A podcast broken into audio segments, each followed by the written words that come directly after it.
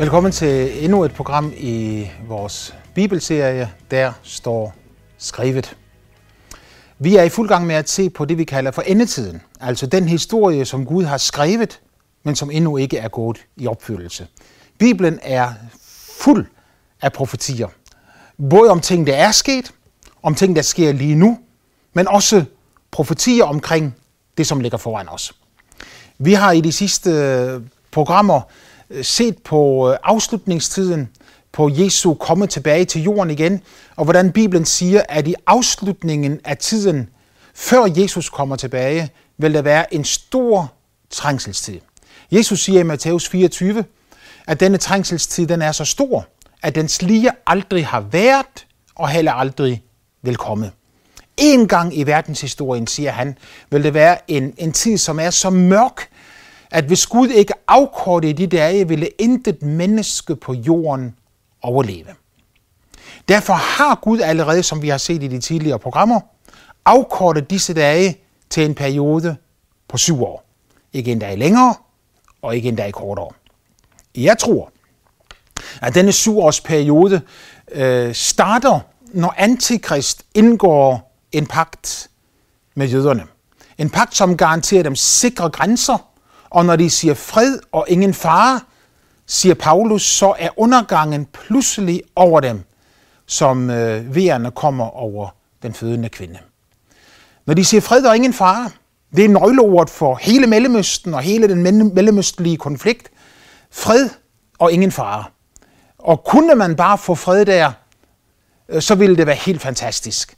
Og Bibelen siger, at en politiker, som i virkeligheden er antikrist, men som i begyndelsen har et meget sødt ansigt og meget mildt ansigt og smilende, han vil indgå en pagt og en fred, som man tror så meget på, at man afruster, at det ikke længere vil være herre i Mellemøsten, grænserne vil være åbne, og fred vil komme ind. Øh, fordi denne fyrste, denne politiker, i virkeligheden er antikrist, så vil han efter en periode på tre et halvt år bryde sin ed, bryde sit løfte, bryde sin pagt og alt det, som han har lovet. Og så vil han komme som den brutale mand, han i virkeligheden er, og øh, sætte sig på Guds tempel i Jerusalem og udgive sig selv for at være Gud. Øh, der vil en brutal forfølgelse bryde løs, og øh, en stor del af jordens befolkning, ikke bare i Mellemøsten, men ud over hele jorden, vil i løbet af denne syvårsperiode opleve konsekvenserne af at have antikrist som herre og hersker over sig. Selve naturen, siger Bibelen, vil vride og vende sig. Øh, hele naturen vil have at være under antikristes domæne. Så Bibelen siger, at i løbet af disse syv år, så vil hvert bjerg flytte sig, hver ø vil flytte sig, og hele jordens topografi vil komme til at se anderledes ud. Jordens overflade vil skifte udseende, fordi hele jorden vrider og vender sig i smerte over antikrists rejselsærdømme her på jorden. I midten af trængslen, når han bryder sin pagt med jøderne, øh, så vil også den falske profet træde frem. Og den falske profet er en person, som Bibelen beskriver, der med løgn og magt og under løfter antikrist op. Han er altså en spiritu- spirituel øh, åndskraft, som vil støtte denne politiker med en voldsom kraft. Øh, faktisk så siger Bibelen, at religionen og politikken i endetiden vil slå sig sammen for øh, til sammen at prøve på at hindre Guds søn i at komme tilbage igen og ødelægge det folk, som Gud engang indgik en, indgik en pagt med igennem Abraham, nemlig nationen Israel. Øh, det skal ikke lykkes for dem, fordi under den store trængsel, der vil Gud beskytte Israel på en helt særlig måde. Jeg ved ikke nøjagtigt, hvordan det foregår, men profeten Esajas han siger, gå ind i dit kammer, mit folk, en kort stund, indtil vreden er draget over. Og hos, hos øh, profeten, apostlen Johannes, i hans åbenbaring, der fortæller Bibelen, hvordan Gud vil skjule Israel og bevare Israel fra øh, de angreb, som de kommer til at blive udsat for i løbet af disse øh, syv år, og i særdeleshed de sidste tre et halvt år af denne periode. Øh, midten af hele perioden, hvor Antikrist han øh, kommer til at træde frem for alvor, øh, der kan det virke som om, at han er udsat for et attentat. For åbenbaringsbogen fortæller os, hvordan han har fået et dødshugt, som så bliver lægt. Øh, og når han bliver lægt fra dette dødshugt, når han på en måde får sin personlige opstandelse fra de døde, øh, så betyder det, at hele jorderiget vil undrende følge efter antikrist. Øh, det er jo et frygteligt tankekors, at øh, verden forkaster Kristus, men den accepterer antikrist. Den siger nej til kærligheden, men den siger ja til uretfærdigheden. Den siger nej til sandheden, men den siger ja til løgnen. Øh, ikke bare simulerer djævelen, den guddommelige treenighed, faderen, sønnen og helligånden, ved at efterligne ham, så djævelen og den falske profet og antikrist er en satanisk treenighed. Men øh, djævelen han øh, efterligner også Jesu opstandelse fra de døde, så øh, når antikrist han har sin opstandelse og dødshugget bliver lægt, så får han hele jorden til undrende at følge efter sig. Bibelen fortæller også, at på dette tidspunkt, så vil han give alle mennesker et mærke på deres højre hånd eller i deres pande. Dyrets mærke kalder vi det. 6, 6, 6. Og når Johannes han taler om dette mærke i sin åbenbaringsbog, så siger han, den der har visdom, han regner ud, hvad det betyder. Og jeg må så bekende, at jeg ikke har vist om nok til at kunne regne den ud, for jeg ved ikke, hvad det betyder. Øh, der er mange, der har forsøgt på at sætte forskellige navne på antikrist, lige fra Nero til Hitler til Kissinger, og jeg ved ikke, hvem øh, man har udnævnt til at være antikrist. Øh, han er der et sted i den nærmeste fremtid. Sandsynligvis lever han allerede og er midt i blandt os, for jeg tror, at vi lever i afslutningen af afslutningen af de sidste tider i dag. Det tror jeg, fordi Bibelens profetier klart og tydeligt taler om, at det er det. For eksempel så siger Jesus i uh, Lukas 21, at uh, Jerusalem skal ligge nedtrådt af hedninger, indtil hedningernes tider er forbi. Bibelens profetier, især profeten Esajas, men også Moses, taler om, hvordan at Israel skal være i landflygtighed indtil afslutningstiden. Da Israel i 1948 fik deres eget land igen, så var det et mægtigt vidnesbyrd omkring Bibelens profetiske troværdighed. Indtil 1948 kunne mange prøve på at udlægge alle disse profetier om de sidste tider som symbolprofetier. Men Israel kom ikke symbolsk tilbage til deres land igen. De kom tilbage til deres land igen i kød og blod. I 1948 blev den jødiske nation udråbt et mægtigt tidstegn, fordi Gud havde sagt, at han ville samle Israel igen fra alle jordens kanter. Øh, profeten Esajas han siger, at når Israel bliver samlet igen, så vil de flyve tilbage til landet. Som duer, der flyver til dueslag, så siger profeten, vil mit folk flyve tilbage til deres eget land igen.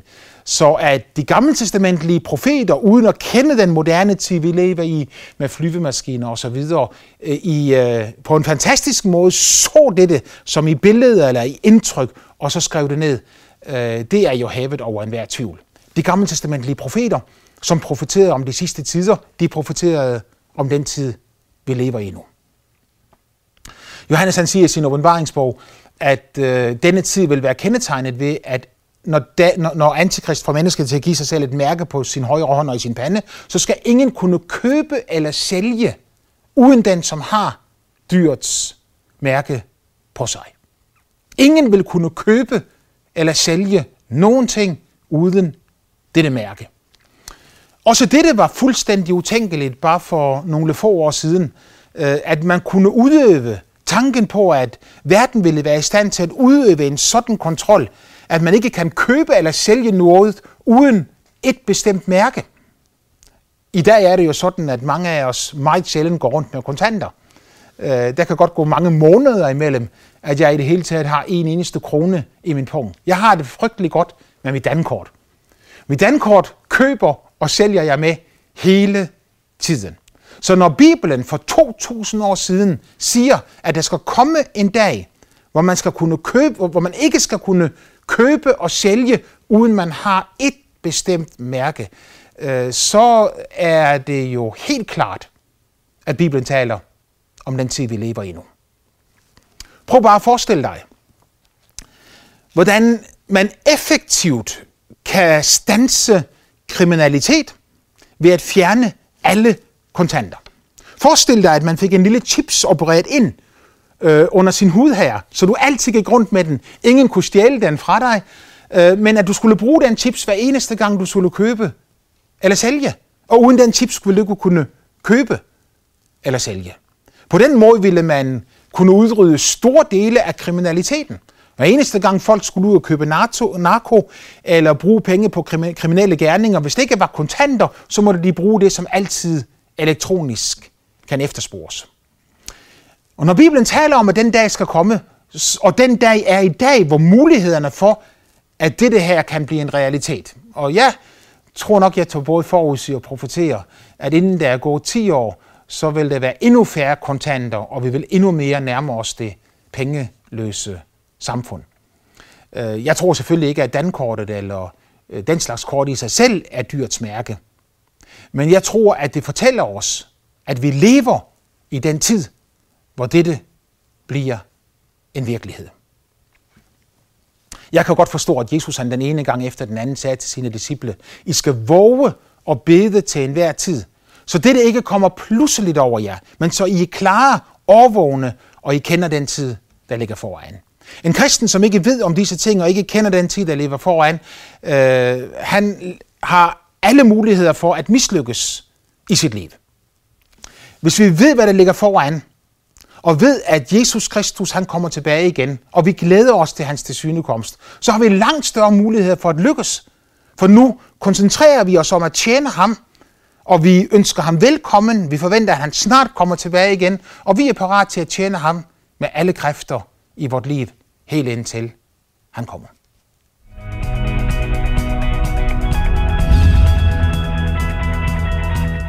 I 1948 kom Israel tilbage til deres eget land. En mægtigt, et mægtigt tidstegn.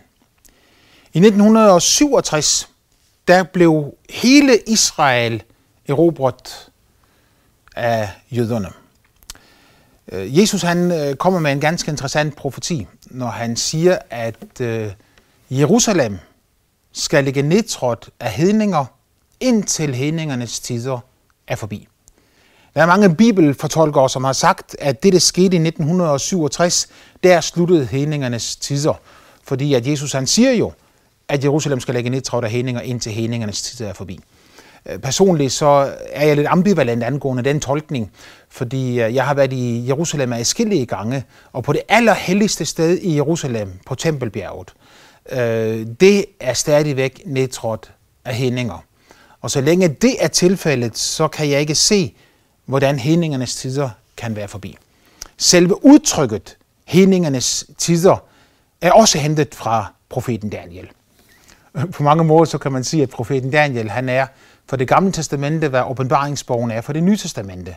Han taler hele tiden om afslutningen om de ting, der skal komme. Han er faktisk så skarp i sine profetier, Daniel, at øh, bibelkritikere har nægtet at tro på, at han har kunnet skrive sine profetier, før tingene skete.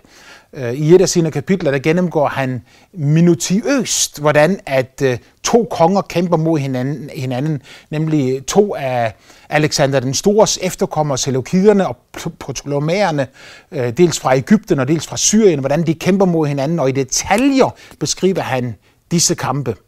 Så mennesker har sagt, at han kan da umuligt have skrevet det ned, før det skete. Men med fundet af dødehavsrullerne, så har vi også øh, eksempler på Danielsborg, der er flere tusind år gamle. Så vi ved, at dette er gamle, og at det er troværdige øh, skrifter. Øh, jeg mener, at de ældste dødehavsruller med, med, med også noget af Danielsborg i, er dateret til 100 år før Kristus. Så Bibelen er utrolig nøje i sin profeti.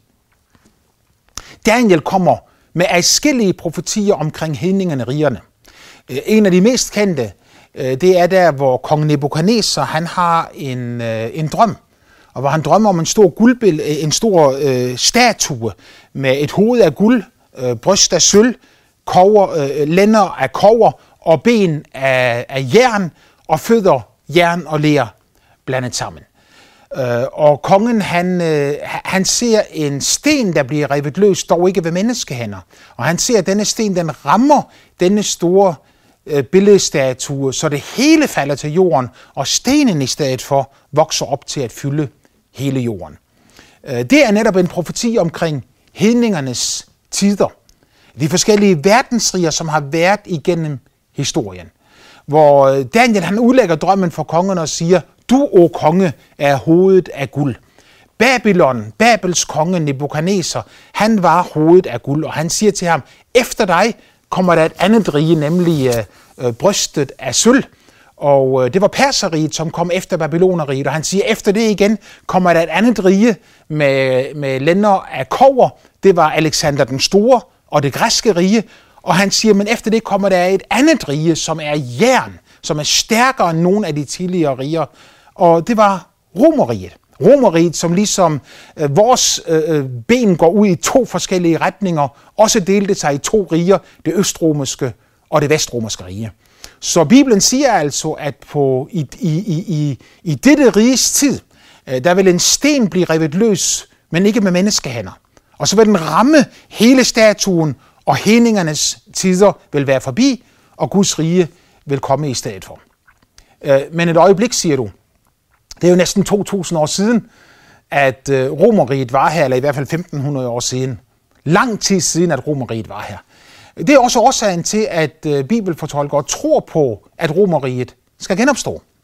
Øh, de tror på, at når Guds profetiske ur gik i stå, dengang da Israel forkastede deres messias, at da det, da, da det profetiske ur gik i stå, øh, så så Daniel og, hans, og, og de andre gammeltestamentlige profeter, de så ganske enkelt ikke den tid, du og jeg, vi lever i i dag, som vi kalder menighedens tidsalder.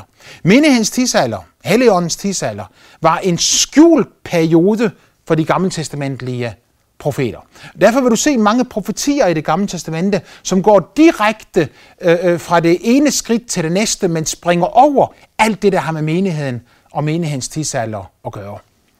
Paulus han siger i Feserbrevet, at menighedens tidsalder er en skjult hemmelighed, som ikke var åbenbart for gammeltestamente profeter.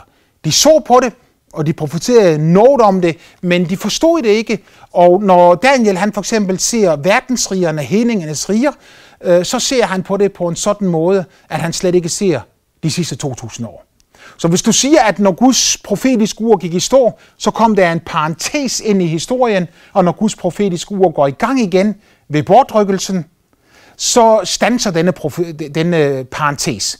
Øh, og du fjerner dette øjeblik her, så passer det 100% perfekt, at der var Babylon, Persien, Grækenland, Romeriet, og så kommer Jesus.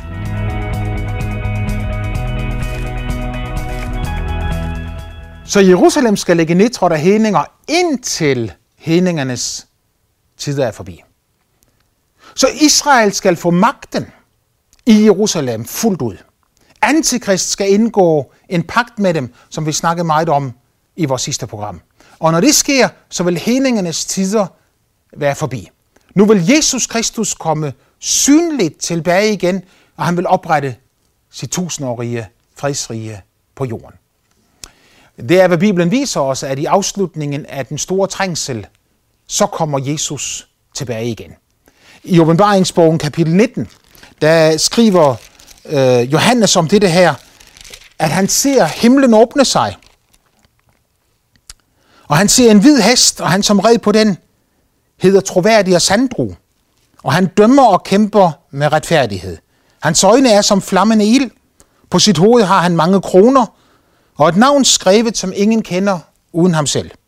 Han var iført en kappe, dyppet i blod, og det navn, han bærer, er Guds ord. Og de himmelske herskere følger ham på hvide heste, og de var iførte hvide, rene lindeklæder.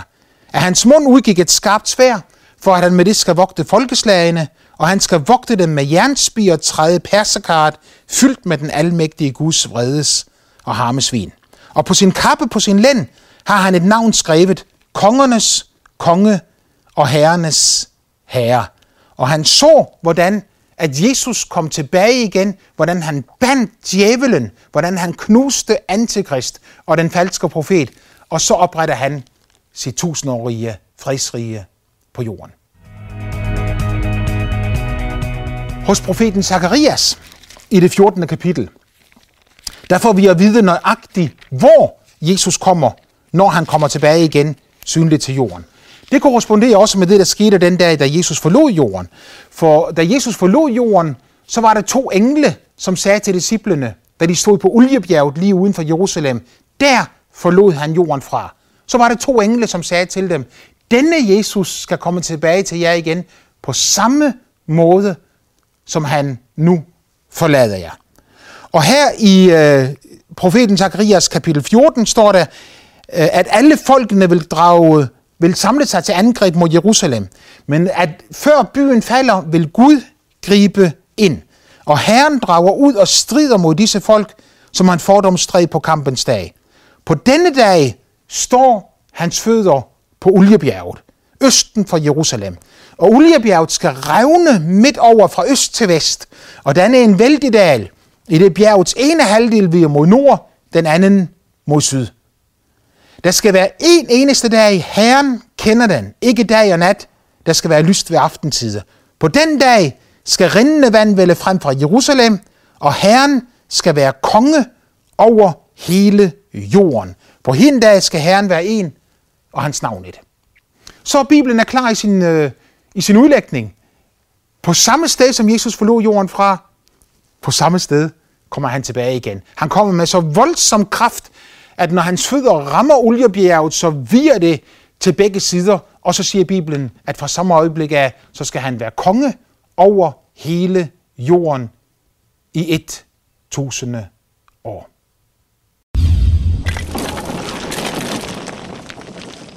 Så det er undervisningen omkring de sidste tider, at Jesus, han vil komme tilbage igen. Jeg tror næppe, at alt det, jeg har undervist i disse programmer her, er 100% korrekt, fordi jeg taler jo om ting, som endnu ikke er sket. Og selvfølgelig kan jeg godt tolke tingene forkert, men i hovedtræk, så er jeg overbevist om, at dette er Bibelens budskab om, hvordan tingene kommer til at blive.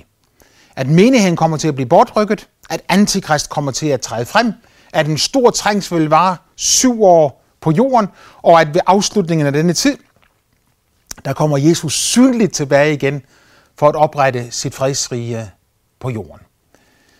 Et hvert menneske må træffe sit eget valg og træffe sin egen afgørelse. Om han vil arbejde for Jesus, for Guds riges frembud, eller om han vil tjene sig selv, sit eget kød og djævelen. Øh, valget er udelukkende vores eget. Øh, Gud har givet os sit ord, for at vi skulle vide, hvad hans vilje, hans planer og hans tanker er. Og Jesus han siger, I skal bede og våge til enhver tid, så den dag ikke kommer pludselig over jer, men I kan blive stående for menneskesønnen. Den dag han kommer tilbage, hvor to går sammen på marken, den ene tages med, og den anden lades tilbage. To ligger i samme seng, den ene tages med, og den anden lades tilbage. På den dag, hvem af de to er du så? Jeg ønsker at være ham, der bliver taget med. Jeg ønsker at leve mit liv sammen med Jesus og tjene retfærdighedens konge, kærlighedens konge af hele mit hjerte. Du kan få lov til at gøre det samme, bare du vælger ham og vælger at tjene ham. Må Gud velsigne dig.